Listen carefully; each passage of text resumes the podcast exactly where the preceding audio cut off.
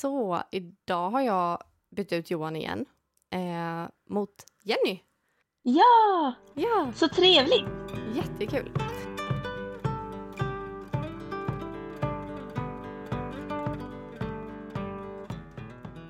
Eh, Ja. Vill du berätta vem du är? För de som kanske inte vet det. Ja, men det de flesta vet nog. Jag heter Jenny Hamrin Österlund och eh, jobbar som livscoach bland annat. Eh, har undervisningar i det, håller kurser Mm. och eh, jag jagar även spöken. Och Ja, är det du. har varit det sedan jag var liten. Så det är ganska brett vad, vad jag pysslar med. Mm. Driver eget företag med min man. Det är klart. Mm. Ja, och ni har ju Tvillingsjälar AB. Ja, precis. Ja, nej men det är ju så kul med coachutbildningen för den är ju, när det här avsnittet släpps så är det ju dagen efter avslutningen. Okej. Så att det Spännande. ska bli så kul. Ja, Ja, och det är så roligt för du går ju min coachutbildning. ja det gör jag ju. Mm. Ja, men det har varit Mm. jättebra. Ehm, jag har lärt mig jättemycket, både om mig själv och coachningen. Um, Vad det roligt. känns Vad superbra. härligt att höra. Mm. Ja, det är jättekul. Det här har ju varit den första omgången av Mm. coachutbildning, men vi kommer ju köra den flera omgångar. Men då är det extra roligt att höra att, eh, att den uppskattas och att den funkar så Mm. Ja, som jag gör tänkt den. att den ska funka. Ja, men det är superkul. Eh, den har faktiskt varit jättebra och Johan har ju sneglat lite på vad jag pysslar med så. Eh, och han tycker också det är jätteintressant. Eh, men det känns Mm. så här, ja, det känns jättebra. Kul, Ja, så roligt. jättekul. Men vad ska vi prata om idag? Vi kör lite eh, NPF. Lite Mm. coachning kring NPF kanske. Hur det känns att vara, Mm. eller hur det är att vara NPF-förälder. ehm, Mm. till barn med NPF. Ja, jag har ju väldigt mycket erfarenhet av det kan jag säga. Vill du berätta? Och för de som inte vet så har jag ju, ja, jag väntar just nu mitt sjätte barn och sen har jag också två bonusdöttrar. Så vi är åtta barn i familjen Mm. Och sen är det jag och Andreas då.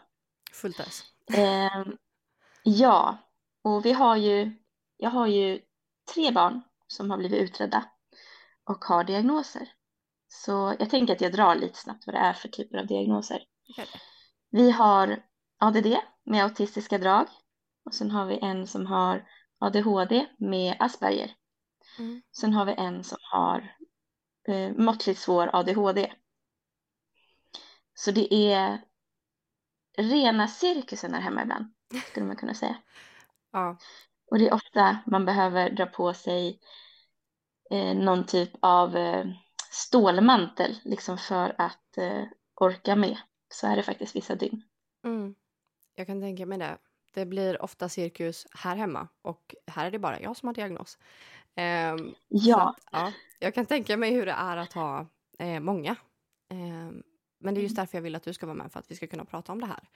Ehm, ja men precis. Sen har vi ganska nyligen gått ut med också, både jag och min man, att ehm, eh, han har precis bli, blivit diagnostiserad med bipolär typ 1.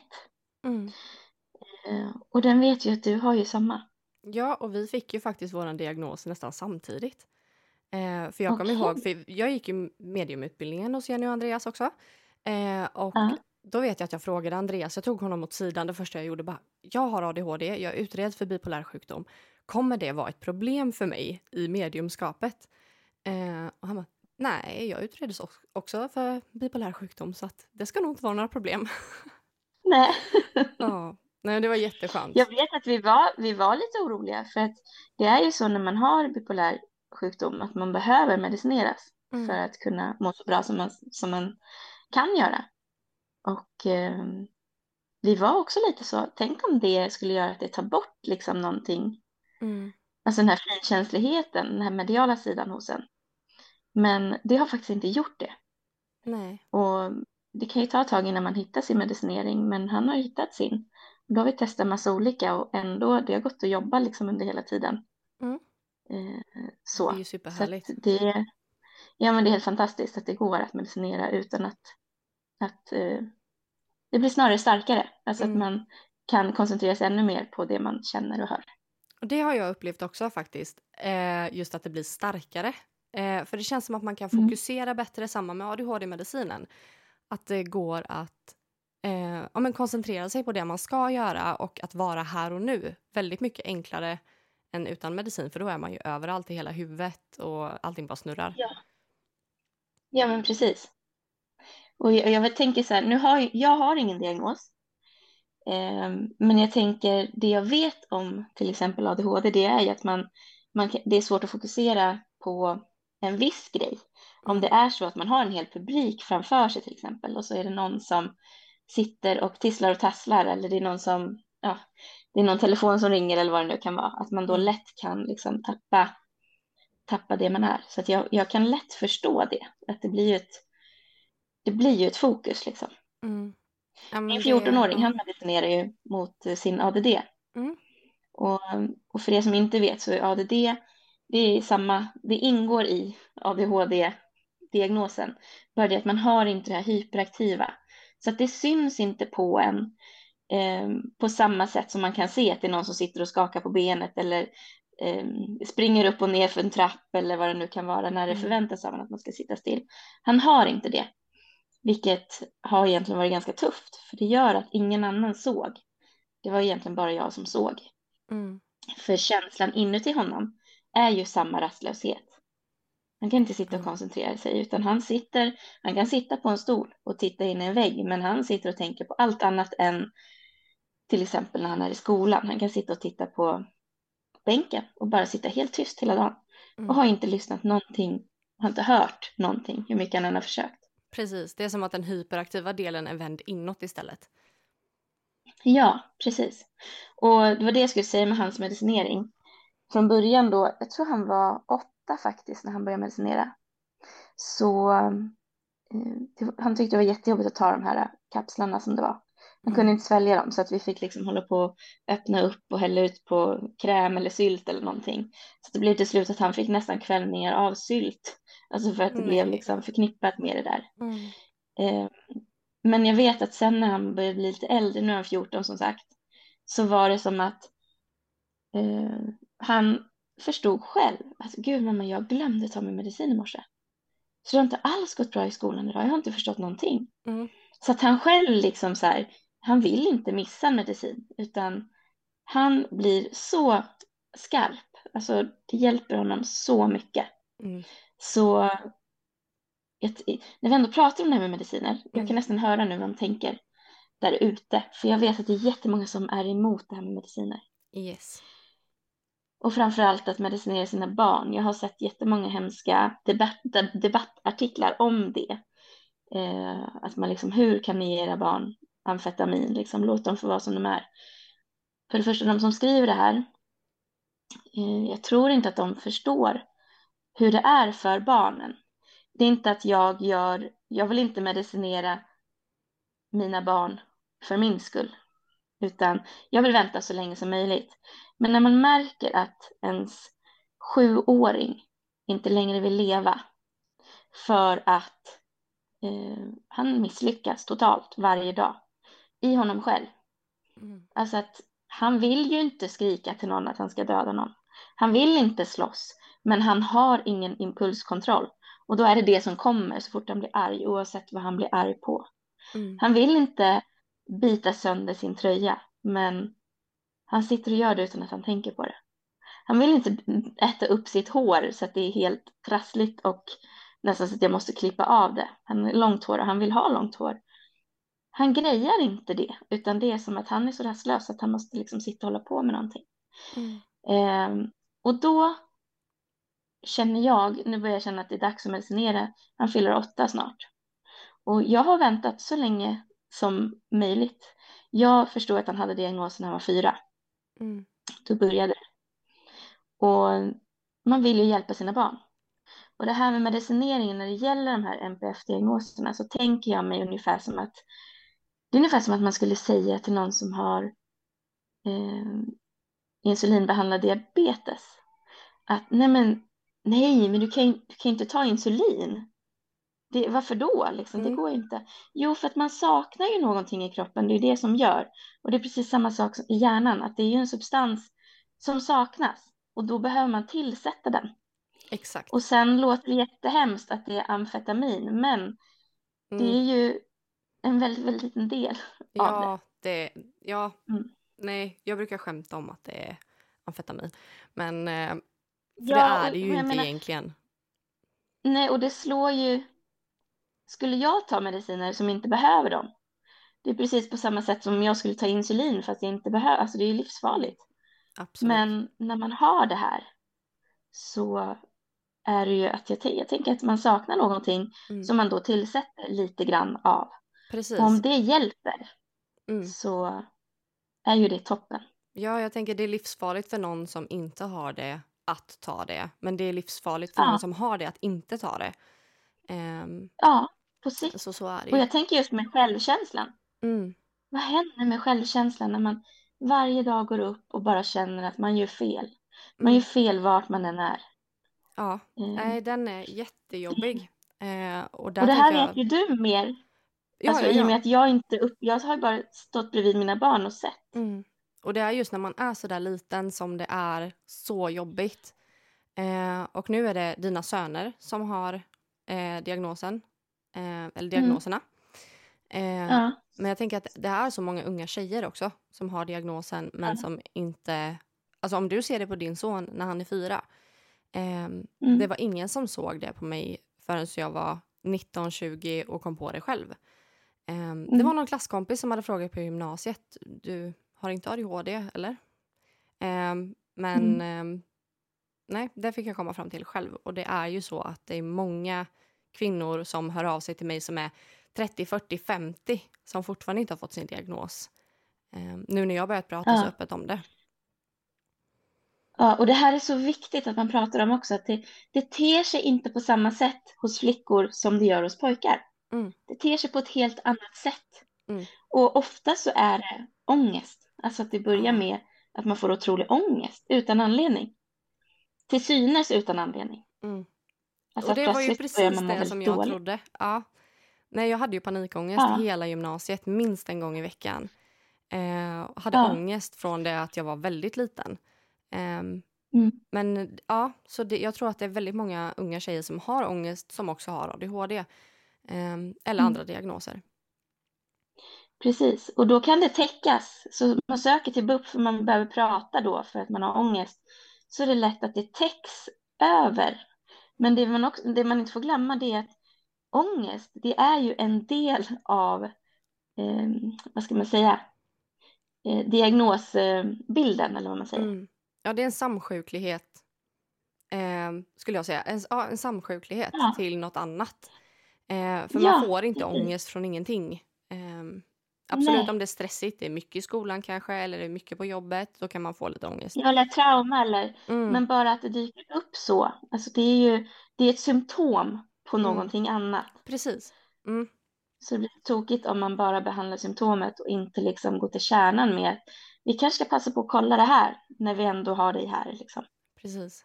Men det är ju så, mm. så svårt att komma in till. Det, de flesta väntar ju flera år innan man får sin diagnos. Ja, och jag tror att vi som har barn behöver bli bättre på att se, se även hos flickor. Mm. Nu har jag som sagt väldigt många barn och eh, eh, en av mina sex barn då är, är flicka. Och jag vet ju att eh, det är ju väldigt ärftligt. Diagnoser och eh, i och med att, att Andreas då har diagnoser så blir det ju att det är inte orimligt att hon kan få det så att jag kommer ha mina känselspröt ute. Mm. För att för min del, mina barn fick ju diagnoser väldigt tidigt och det är ju för att jag har känt av det väldigt tidigt. Så jag mm. vägrar vänta tills de är i tonåren och kanske har tappat jättemycket utav sin självkänsla mm. och kunde få den här känslan av att jag ska egentligen inte vara på den här jorden och så vidare. Det som sker mm. när man får gå länge och bara känna sig misslyckad. Jag blir så glad när jag hör att du är så uppmärksam. För det, det värmer i mig, för det är det enda jag vill kunna hjälpa till med. Jag har många NPF-föräldrar som kommer gå mitt program nu. Eh, mm. eh, mitt korsningsprogram. Eh, men för att det, där har vi liksom pratat om att, eh, att just behöva uppmärksamma det här. Vad behöver mitt barn här och nu? Eh, mm. För just där jag hamnade, det var ju den där tonåringen som inte ville leva. Eh, mm. Och jag försökte ju även ta mitt liv. Så att mm. dit vill jag verkligen inte att de här barnen ska komma. För att jag ser ju hur, hur det bara ökar och ökar och det blir värre och värre. Och nej, det finns så mycket som behöver ändras kring det här med barn. Um, I och med att Johan mm. jobbar i skola så får jag höra väldigt mycket, får se väldigt mycket. Um, väldigt mycket är ju sekretessbelagt så att jag får inte veta så mycket så men um, mm. man förstår ju också när han pratar om barn att uh, vilka som har det, vilka som inte har det. Bara, bara han pratar om det så förstår jag. Mm. Vet du en annan sak som är väldigt sjuk? Mm. Låt oss säga att det är två föräldrar och skolan kommer och säger att uh, vi behöver nog, eller vi rekommenderar att man gör en utredning. Mm. Båda föräldrarna måste vara med på det. Annars så får inte barnet en utredning. Oh. Och det här kan reta mig, alltså, eller så här har det varit i alla fall. Jag vet mm. inte, det kanske ändrats, jag vet inte, men det gör ont i mig, för det är så här, eh, en förälder vill inte att ens barn ska ha en diagnos. Nej. Men jag menar, om barnet redan har det så är det ju bättre att ha det på papper. Mm. Så det är inte att diagnosen inte finns om det är så att man låter bli att göra en utredning, utan problematiken finns ju där. Mm. Eh, så att, ja, mm. mm. det kan göra mig riktigt ledsen, för det är många där den ena är så här, nej, nej, nej, nej, vi kommer inte göra en utredning, och så går de, är de inte med på det. Mm. Och så och är den andra helt desperat och bara, men vi måste ju göra det här. Eh, ja. Och jag, jag vet inte om det är så fortfarande, men... Ja, Nej usch, det är ja. obehagligt. Det är... Nu, nu kan det vara så att ni hör min dotter som skriker i bakgrunden. ja, det är ingen fara.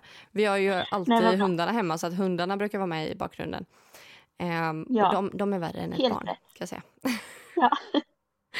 När vi ändå, jag vill bara passa på att prata om det här med i, i och med att vi tar upp det här med självmordstankar mm. och att du själv har haft försök. Mm.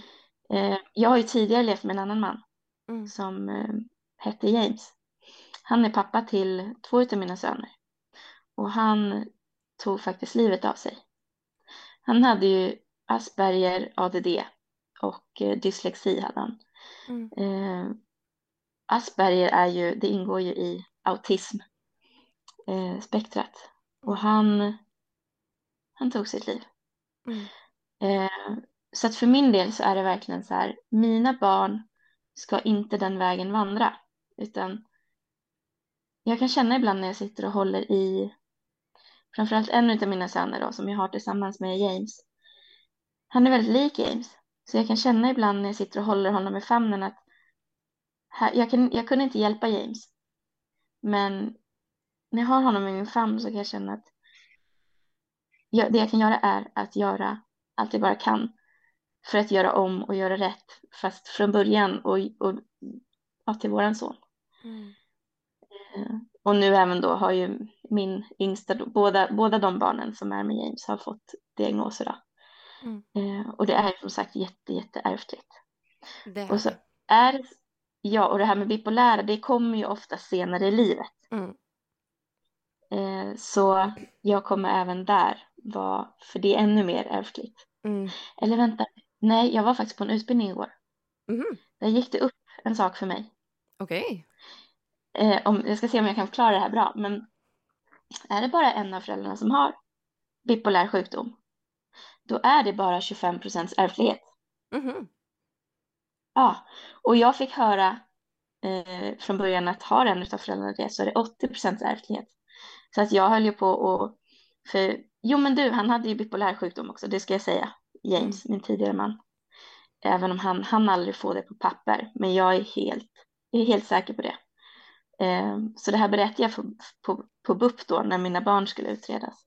Och då sa de det att var vaksam på när de kommer upp i tonåren och över det. För att det är 80 procent ärftlighet. Och jag kände ju nästan att jag ger upp. Alltså de får inte få samma. Nej. Eh, jag vill inte att de ska behöva gå igenom samma.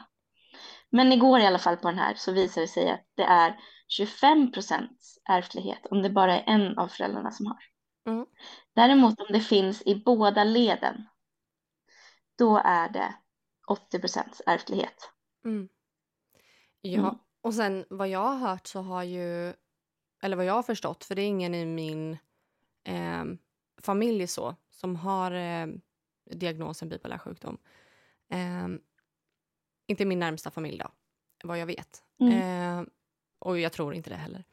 Eh, men vad jag har förstått så kan det också triggas av att du går obehandlad eh, för ADHD. För det är så jag misstänker att jag har fått bipolär sjukdom.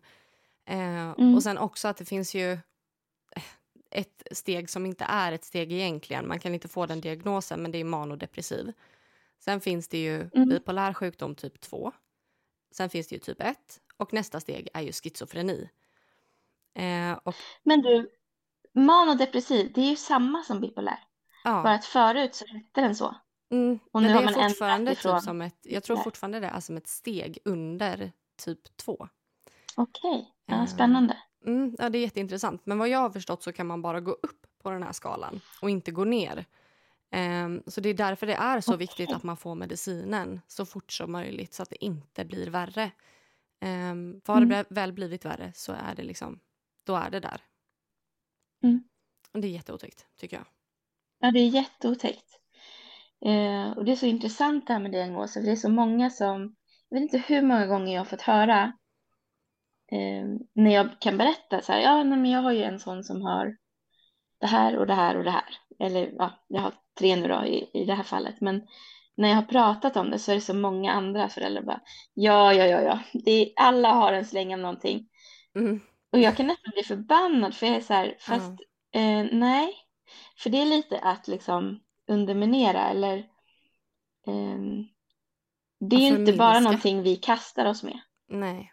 Nej, men jag tycker det är att förminska de som faktiskt har diagnosen för att Ja, exakt. då ska du förstå vad, vad det innebär att faktiskt ha ADHD eller faktiskt vara bipolär.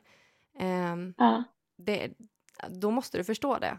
Eh, och det kan man Ja. inte göra om man inte har levt tillsammans med en person väldigt nära inpå eh, som har diagnosen eller om man inte har haft det själv. mm. nej men precis. Eh, så jag tycker vi ska liksom på något vis bryta allt det där. Och då kan man också säga, ja, ja, men eh, att det är mode, har jag också hört. Mm, Att det är mode att ha en diagnos. Eh, för förr i tiden fanns det inte och det är så här, jo, det fanns. Jag är född 85. Mm, Vi hade obsklasser. Det hette på riktigt obsklasser. Där tryckte man in de här barnen som inte passade in i klassrummen. Och sen vad de fick göra där, alltså det var med någon speciallärare och kändes som att de mest bara uteslöts. mm. Men jag visste inte bättre då. Nej, det är utan klart. det var så här, ja, Mm. men, nej, men de går i obsklassen och att det är någonting fel liksom. Mm.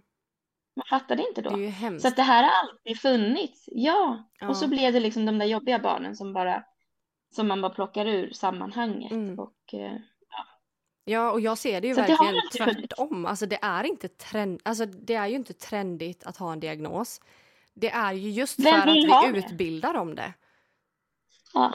Mm. Vem vill ha en diagnos? Nej, inte jag. Eh, Hade jag det sluppit? självklart. Ja men precis. Sen är det självklart att när man har det, ja då gör man det bästa av situationen. Absolut. Det är klart att jag vill liksom att det ska omvändas till någon typ av superkraft. Mm. Men egentligen det är en funktionsnedsättning. Mm. Nej, det kommer Sen aldrig bli en superkraft. Det är absolut att man kan skapa vissa Ja. saker på ett helt annat sätt än vad vissa andra kan. Men Ja. det är fortfarande riktigt jävla jobbigt rent ut sagt. Eh, det är fruktansvärt. Ja. Det är ingen superkraft. Det är det inte. Nej, och vet du varför jag tror att det är så extra jobbigt? För det är inte som att, alltså det är en annan sak om man ser på någon att, men gud du saknar två ben. Jag hjälper dig. Här är det, man, man, det syns inte utanpå. Man ser, lika, man ser likadan ut. Mm. Eh, så jag tänker på mina barn som eh, ser ut som att de fungerar precis som alla andra barn. Mm. Och nu säger inte jag att de är de enda, jag vet att det är fler i klassen som har samma utmaningar. Det gäller även dem. Att på något vis, liksom att man önskar att de skulle få den hjälp de behövde. Men eftersom att de ser normalfungerande ut så behandlar man också oftast eh, dem som normalfungerande. Mm. Och det är då det blir tokigt. Ja, det blir, Nu ska det jag blir säga- jättefel. ja, ska jag säga att mina barn har världens bästa lärare. Och det gör så mycket Mm. om man har det. För jag har också varit med om min, min, äldsta, min, min 14-åring som är den äldsta som har diagnos. Han, eh, han hade inte den turen. Eh, och han är 14 nu, går i åttan och ligger fortfarande efter i precis allting. Mm. Så det handlar väldigt mycket om vilken lärare får man och kommer den här läraren se? Och den läraren såg inte hur mycket jag än kavlade upp mina armar och försökte berätta och berätta och berätta. Eh, samarbeta, samarbeta, men det funkar inte åt bara ena hållet. Mm. Nej, det är där jag Mm. är så fruktansvärt glad över att jag träffade just Johan. Ehm, för han har ju lärt sig, han har varit med på hela den här resan. Och han har ju lärt sig så fruktansvärt mycket om de här diagnoserna under de här åren som vi har varit tillsammans. Så att han är ju den bästa läraren för ett barn med diagnos just nu. Jag är så Ja. stolt över det, att mitt kunde mynna ut i någonting bra. Eh, Ja. För det, det, ja, det uppskattar jag jättemycket. Och jag blir så stolt över att han har är tagit till sig och läst, läst, läst på. Och han har verkligen frågat frågor. Hur var det när du var liten? Vad kände du om det? Och mm, han har varit jätteduktig på det. Tänk hur många elever han får hjälpa. Mm. Det är fantastiskt. Mm. Och de är så glada. De kommer, har han varit sjuk så kommer alla bara Åh, jag saknat dig. Och så kommer de och kramar honom. Det är så gulligt. Ja, så fint. Mm. Ja. Och det behövs de här äh, som, alltså man tänker sig så här, det finns de här barnen som är mönsterbarn, som Mm. alltid sköter sig. Och eh, alla barn vill sköta sig. Så när ett barn inte sköter sig så är det ju inte för att den inte vill, utan då är det ju någonting som gör att den inte kan. Mm. Och det finns de eh, i skolans värld och även i förskolans värld som, som inte vill ta i de här barnen, som tycker att de är Mm. jobbiga. Eh, så det behövs de som, som, eh, som vill ta i dem, Mm. Och som, som, vill se dem. dem. och som Mm. vågar, som orkar. Precis. För tro mig, jag vet vilken utmaning det är Mm. Det är tufft. eh, att vara förälder. Jag tänker lite så här, ska vi, om jag kan få ge lite råd till andra föräldrar där ute. Kör! Det är väldigt många NPF-föräldrar där ute som det är jättevanligt att man blir utbränd. Och eh, ja, man klarar inte av att sköta sitt jobb. Slutar med att man blir sjukskriven. Ehm, Jag jobbade tidigare på Karolinska. Och då var jag tvungen att prata med min arbetsgivare och säga att jag, när jag jobbar dagpass, jag kan inte jobba längre än två. Hon bara, vi Mm. löser det. Vi fixar det. Så att jag fick gå vid två alla mina dagpass. Det innebär att jag får lägga in fler pass per månad. Men vi löste det. Eh, och det är jag jättetacksam för. För mina barn grejer inte att gå på fritids. Nej. Eh, vilket gjorde att de kunde, när jag åkte från jobbet så kunde de gå ifrån skolan. Mm. Eh, så att vi var hemma samtidigt.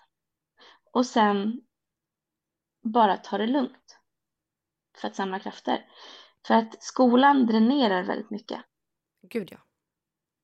Ja, det kan till och med göra barnen utbrända. Mm. Så det första som sker när man hämtar upp barnen, och framförallt då om man har ett sedvanligt jobb där man hämtar kanske vid fyra fem tiden Det första som hände mig, det var att jag fick eh, ett barn som bara bröt ihop. Och allt var mitt fel, alltså så. Mm. Eh, det blir väldigt riktat, alltså jag får höra saker som, som ingen mamma ska behöva få höra. Ehm, och det är inte för att mina barn vill säga så, utan det är för att de har hållit ihop hela dagen. Mm. Och så ser de mig och här kommer tryggheten och då bara faller ihop som en liten pöl på golvet och då kommer allting. De kan inte själva sortera varför mår jag så här, utan Mm. då råkar jag stå där. Mm. Ehm, så att jag vill säga till er föräldrar att eh, ge inte upp. Man känner sig ensam jättemånga gånger. Jag kan känna att jag har stått nästan utanför samhället med mina barn för att ehm, eh, man har ingenstans att vända sig. Det är många gånger jag upplever det. Mm. Som nu när vi ska medicinera eh, min åttaåring så är det jättesvårt. jag har, jag har vänt mig till BUP, jag har ringt dem flera gånger och bara, jag behöver en tid. Ja, ah, vi vet inte riktigt vart, om det är hit du ska vända eller vart du... Ja, men bara, bara ge oss en tid, alltså det är akut, vi behöver hjälp nu. Mm. Det funkar inte så, utan man behöver kavla upp sina ärmar. Och jag tänker att vi som är NPF-föräldrar, vi, vi får nästan hämta kraft i varandra. De bästa tipsen jag har, det är att söka på Facebookgrupper, alltså att man Mm. blir medlem i sådana NPF-grupper där man kan skriva av sig, där det faktiskt finns människor som förstår. Mm. När jag pratar med någon som inte har barn med NPF så är det liksom ingen som kan relatera. Så här, "Ja, jo men jag, jag, ja, jag förstår, min, min son kan också tycka att det är jobbigt ibland i skolan. Ja, Ehm, men det är inte riktigt samma sak, utan man behöver verkligen Alltså när jag försökt förklara att jag, jag kan ibland behöva lyfta upp min 14-åring från sängen. För att han har ingen motor på morgonen. Han Mm. kommer inte upp. Nej. Vilket är jättetufft för han är 14, han, han är tonåring. Han börjar liksom slå sig fri och vill, vill egentligen klara sig själv. Så det är ju, det är ju jättejobbigt att Mm. inse att man inte grejer att gå upp när klockan ringer. Utan att, och, och det är inte att han börjar med det nu i tonåren. För min 18-åring han gör ju likadant fast han har ingen diagnos. Utan det är något som har kommit i tonåren att man bara blir trött. Mm. Men när han var så sent som åtta år, åtta, nio, fick jag bära in honom i badrummet. Mm. Eh, liksom fysiskt klä på honom. Eh, lyfta upp honom på toaletten. För att han kom inte igång. Mm. Eh, Nej, det är jobbigt. ja men precis. Så egentligen så jag vill bara, jag vill bara peppa alla mammor och pappor där ute som kämpar. Och att det känns som att man är ensam. Men vi är så många. Mm. Och eh, det finaste vi kan göra för våra barn det är att aldrig ge upp. Hur tungt det än är. Det är många gånger som jag sätter mig och gråter och bara känner att allt är hopplöst och hur ska det här någonsin bli bra? Men jag kommer aldrig ge upp. För att eh, det, det är mig de har. Och de har ju även såklart min man Andreas. Men eh, ja, jag tror ni förstår vad jag menar. Ja, det tror jag. Nej, det är jättefint att höra. Eh, för det är det enda ett barn med NPF egentligen vill. Bli förstådd, bli hörd, bli sedd och att man inte ger upp. Eh, Mm. För det, ja, nej, det är det värsta. När man blir lämnad. Ja. Det är tungt. Ja, men precis. Ja. Och jag kan säga att det är svårt när, när min son säger jag önskar att jag hade en annan familj. Och det är svårt då att inte säga så här, ja, men då, då får du flytta någon annanstans. Eller liksom, Mm. eh, Att det vill jag också säga till NPF-föräldrar att eh, hugg inte ner på er själva. För att vi har också en gräns. Mm. Så det gör ibland att jag har sagt saker som jag känner i efterhand och bara, gud varför svarade jag ens på det där? Varför var, varför var jag inte bara tyst just i den sekunden och Mm. bara andades? Ja, Ehm, och det är därför det är jag tänker att det är så det är därför jag tänker att det är så fruktansvärt viktigt med ensamtid. Att man får kliva ut en timme och bara ta en paus, göra någonting man tycker om och liksom sen komma tillbaka så att man kan fylla på med energi och sen hantera det där. Eh, och det är därför Mm. jag tänker också som när vi pratar om jobb, att eh, du kunde lösa det med schemat. Eh, Mm. Att du får jobba lite fler pass, men att du får gå hem vid två. Eh, mm, är man eh, på rätt arbetsplats så får man göra så. Eh, får Ja. man inte göra så, då ska man fundera på att byta jobb. Det tycker jag. ja, helt rätt. Helt, helt rätt. Ehm, och jag kan ju säga sen att jag, jag jobbade där, jag, jag jobbade på Karolinska i 15 år, men sen startade jag eget istället. Mm. Och det är det absolut bästa jag gjort. Mm. Vi får ju ofta frågan, men hur hinner ni med allting? Eh, ja, alltså det är ju för att vi driver vårt eget företag. Mm. Vi bestämmer ju vår tid. Ja. Och det har ni faktiskt Ja. inspirerat mig och Johan till att göra också. Eh, Jo, det är För det jätteroligt var- att se att ni också gör det. ja, men jag tycker att det är nog också en sån grej som diagnospersonen gärna gör.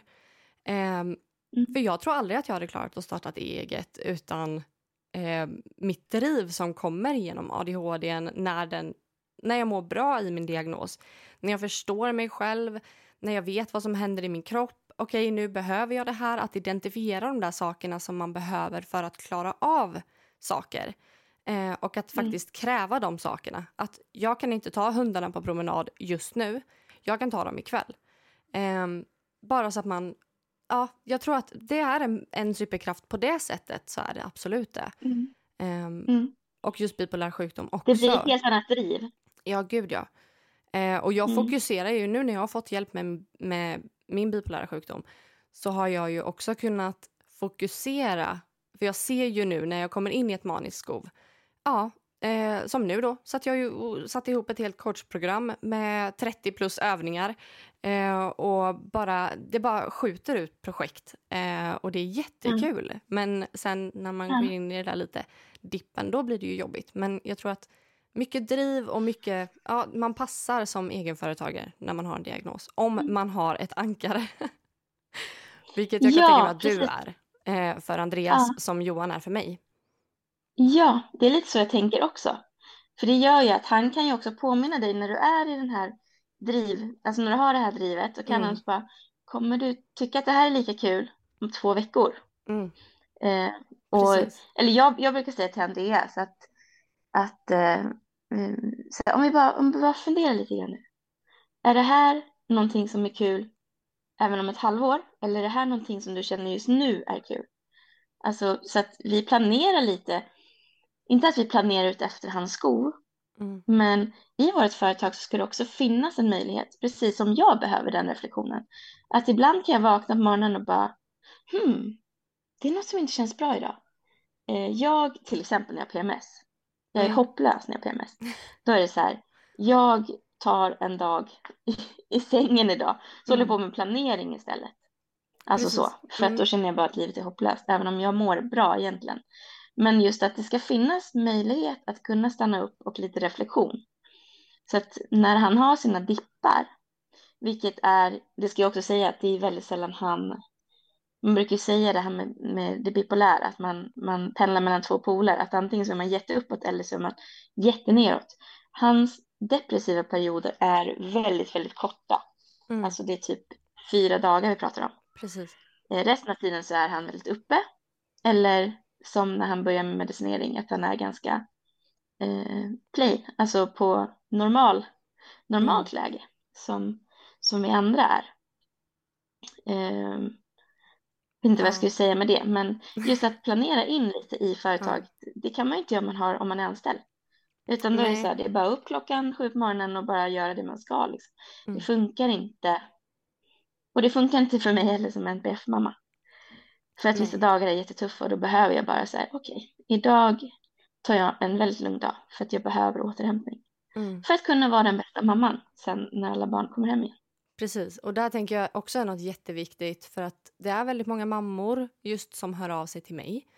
Eh, jag hoppas att de kan höra av sig till dig också och att det kan eh, stärka dem, att de går med i sådana här Facebookgrupper. Eh, för det är ett verktyg som funkar väldigt bra. Mm. Eh, Mm. Vad var det jag skulle säga nu? Men jag tycker bara, för det första att man ser väldigt stor eh, skillnad på Andreas nu eh, innan, eh, när han inte hade fått sin diagnos så tyckte jag det, Mm. där, man märkte väldigt tydligt att det svängde. Även om vi bara tittar från utsidan så syns det, Mm. det syns, det märks. Eh, och Ja. jag har förstått när jag går in på Instagram och scrollar, eh, scrollar runt eh, bland det som har varit för oss innan. Eh, då ser jag ju också väldigt tydligt när jag är manisk, när jag är depressiv. Eh, Mm. och det tycker jag är så fint med medicinen att just, ja mina skov, depressiva skov är också sådär bara tre, fyra dagar, max en vecka. Medan Mm. de maniska faserna, vilket jag egentligen tycker är de otäckaste faserna. Ehm, Mm. Men nu har jag varit inne i ett maniskt skov i snart två månader. Eh, och det börjar bli tröttsamt nu. Ehm, Ja. men samtidigt så kan jag inte sluta. För jag tycker att det är så kul. Allting är så roligt som jag gör just nu så att jag kan inte låta bli. Ja. Nej men för vad jag har förstått när man är i det maniska så känner man väl själv att man mår toppen. Ja, gud, Man jag mår hur bra liksom- som helst. Kvinnan på jorden liksom. Nej, men jag tycker det är Ja. jätteskönt. Det, är ju, det största problemet är ju egentligen att kroppen inte får vila. Man sover väldigt lite. Ehm, Mm. Jag sover i snitt kanske... Eh, nu har det börjat bli lite bättre så jag tar det som ett tecken på att jag börjar stabiliseras lite.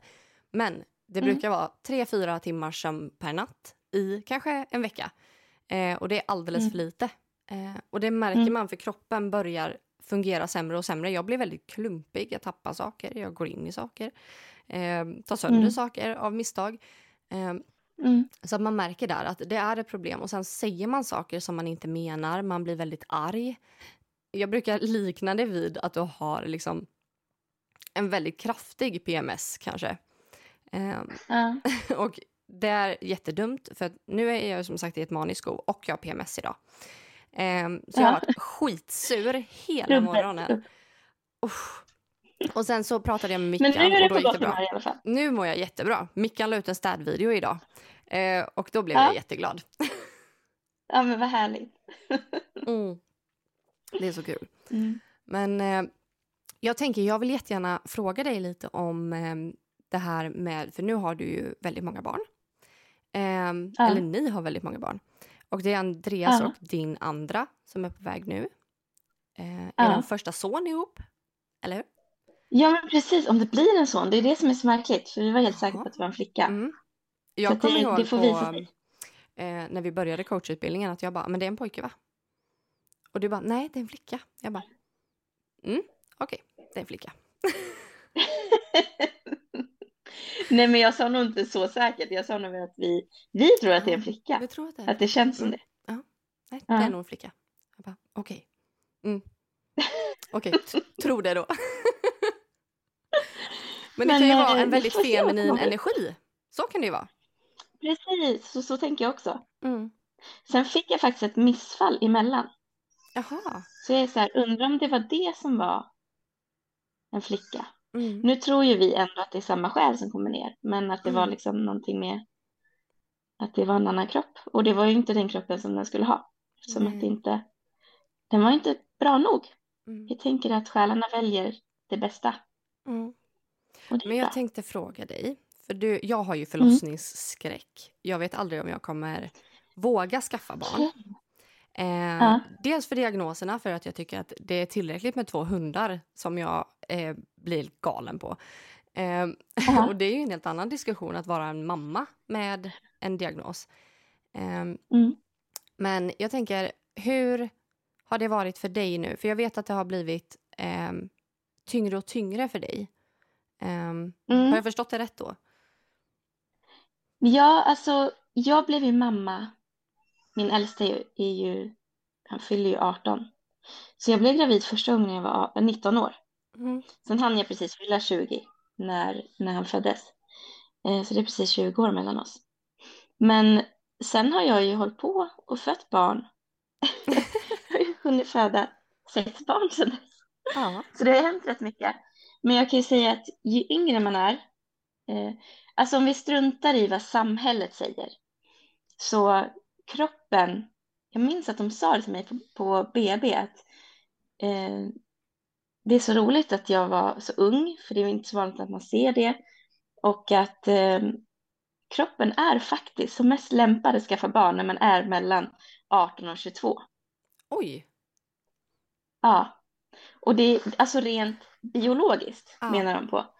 Och, och, och sen lever vi i ett samhälle som, som är på ett annat sätt. Det är många som vill göra karriär först och så vidare. Jag har aldrig sett det på det sättet, utan för min del är eh, jag har haft sån längtan efter barn och jag har alltid velat haft en stor familj. Så att, Mm. och jag vet också att den tiden är begränsad och jag vet också att alla har inte den möjligheten. Så att ehm, eh, det har blivit då att, att ja, det har blivit som Mm. det har blivit helt enkelt och jag är så tacksam för att jag haft den möjligheten. Mm. Men jag kan säga nu är jag ju 38 Mm. och eh, den här graviditeten är nog den tyngsta.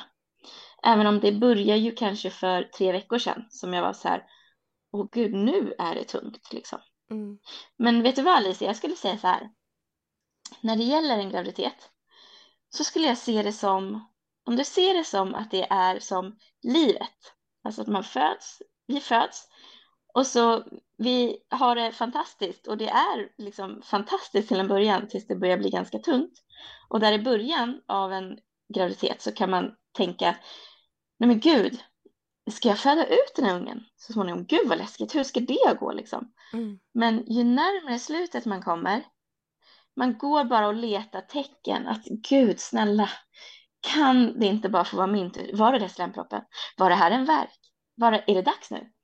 Eh, och man håller på och dricker hallonbladste och äter en massa ananas för att liksom få det, man vill inget heller än att gå igenom det här, det här spännande som man har en hatkärlek till, för det är mm. läskigt. Eh, om vi då kopplar det här till livet så tänker jag mig att det är på samma sätt. När vi är unga, då kan vi känna en rädsla för att dö. Gud, jag vill inte dö. Man kan nästan ha dödsångest när man är ung. Mm. Jag vill inte hamna där. Men jag tänker mig som min farmor hon gick bort i år. Hon var, eller ja, vad blir det, förra året i oktober då. Mm. Eh, september var det hon gick bort. Men i alla fall, hon blev 96 år. Oj. Och jag kan tänka ja. mig att de där sista åren så tror jag att det var någonting som hon skulle tycka var en lättnad. Mm. Förstår du vad jag menar? Absolut.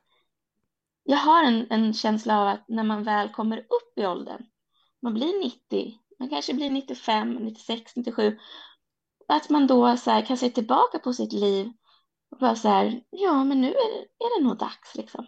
Mm. Och lite så jag ser på en, en, eh, en graviditet på nio månader. Att i början så är man verkligen inte redo att föda utan man bara så här, aj, gud.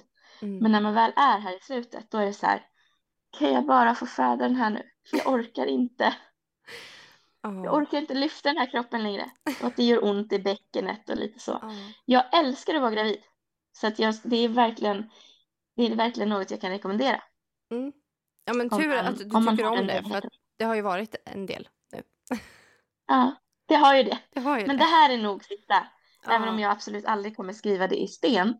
Så är det här, det här känns som nu är säcken sluten på något mm. vis. Vad skönt. Det var mer att jag skulle få två barn med Andreas också. Mm. Det är väl jättefint att mm. ni fick barn tillsammans också. Ja, men precis. Det, det var liksom meant to be. Ja, och jag är Min helt tvilling. galen i Hedda. Hon är så söt. Alltså, det är den sötaste ungen jag sett. Ät upp henne alltså. Hon är så söt. Ja, men vad gullig du är. Mm. Jag, ja, alltså, nu är jag ju partisk, men hon är, jätte, hon är jättegod. Mm. En lugn själ. Eh, en lugn och gammal själ skulle jag säga. Mm. Hon har erfarenhet sedan tidigare. Mm. Och vet du vad jag älskar? Hon är så eh, kavat. Ja. Om det, alltså hon är väldigt så här, nej. Men så här, får man en kram? Nej och liksom bara putta bort ens liksom, kropp som kommer närmare. Och jag älskar att hon är så. Mm. Så skulle vi allihopa vara om det är något som inte känns bra. Att man mm. bara säger nej. För det är vi lite dåliga på.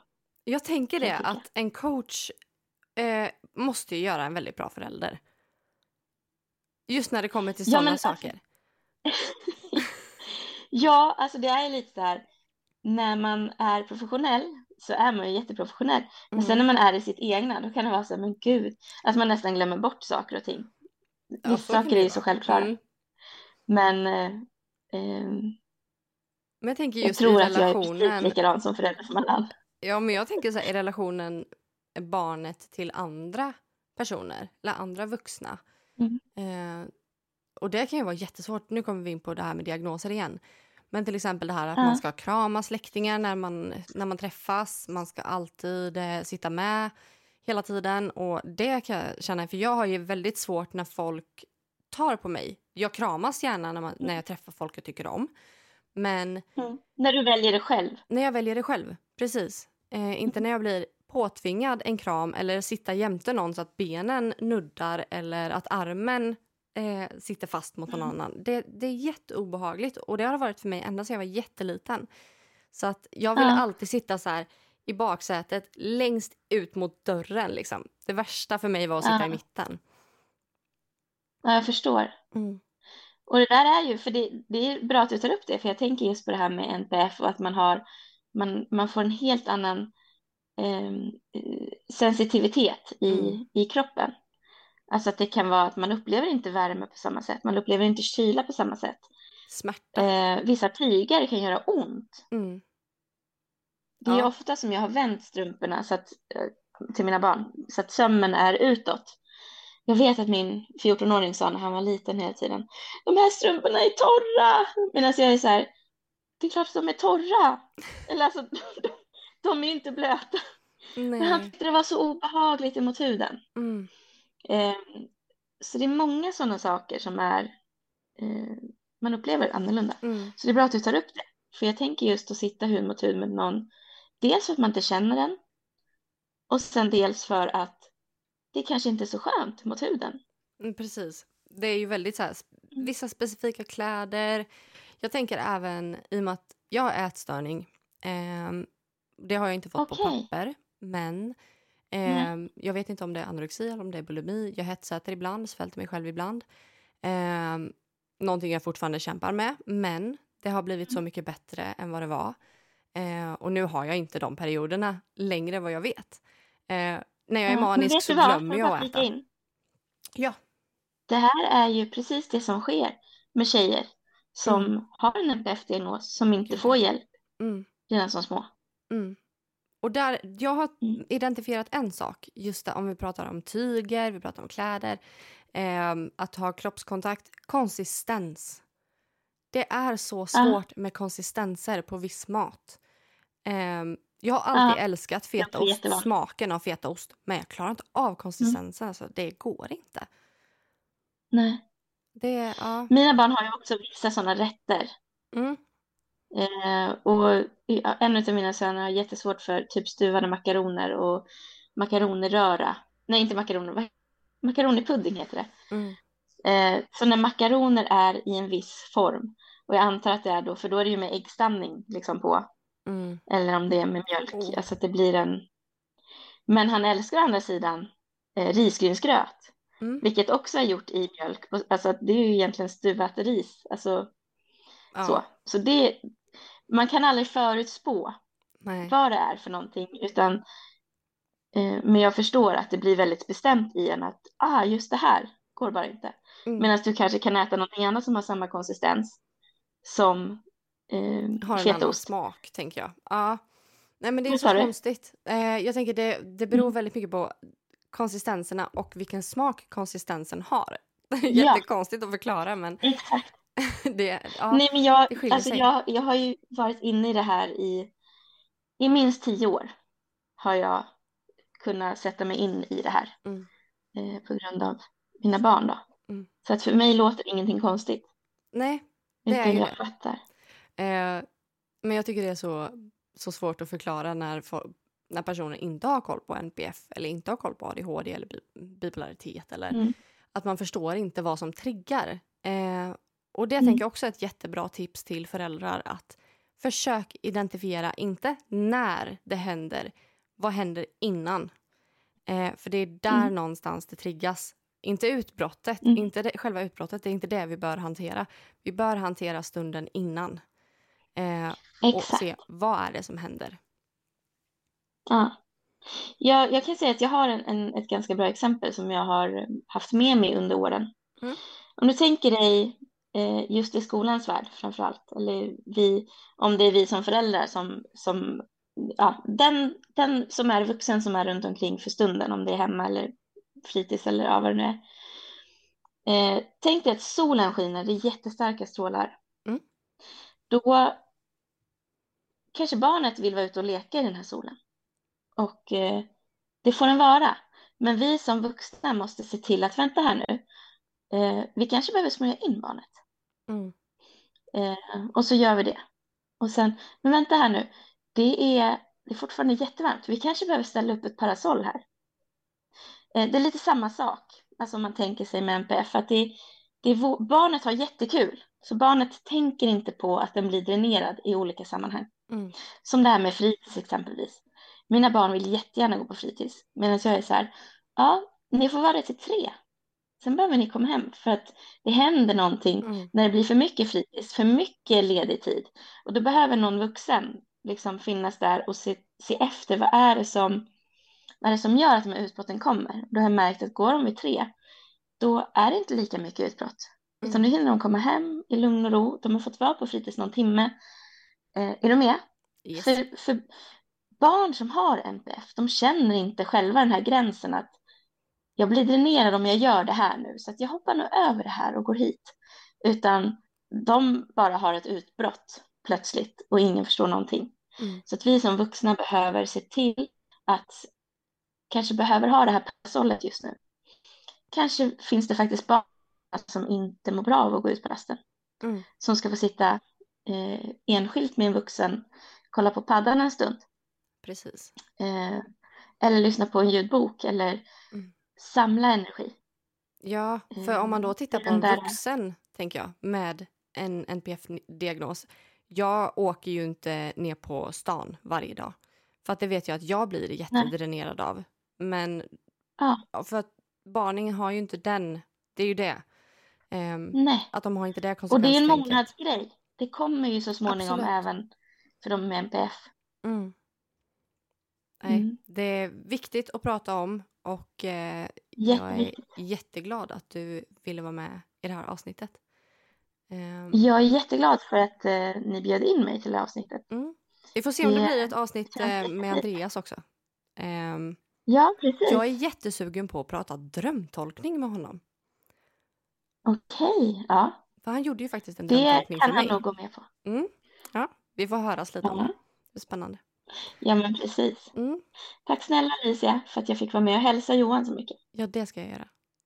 Tack själv. Ja. Tack. Kram.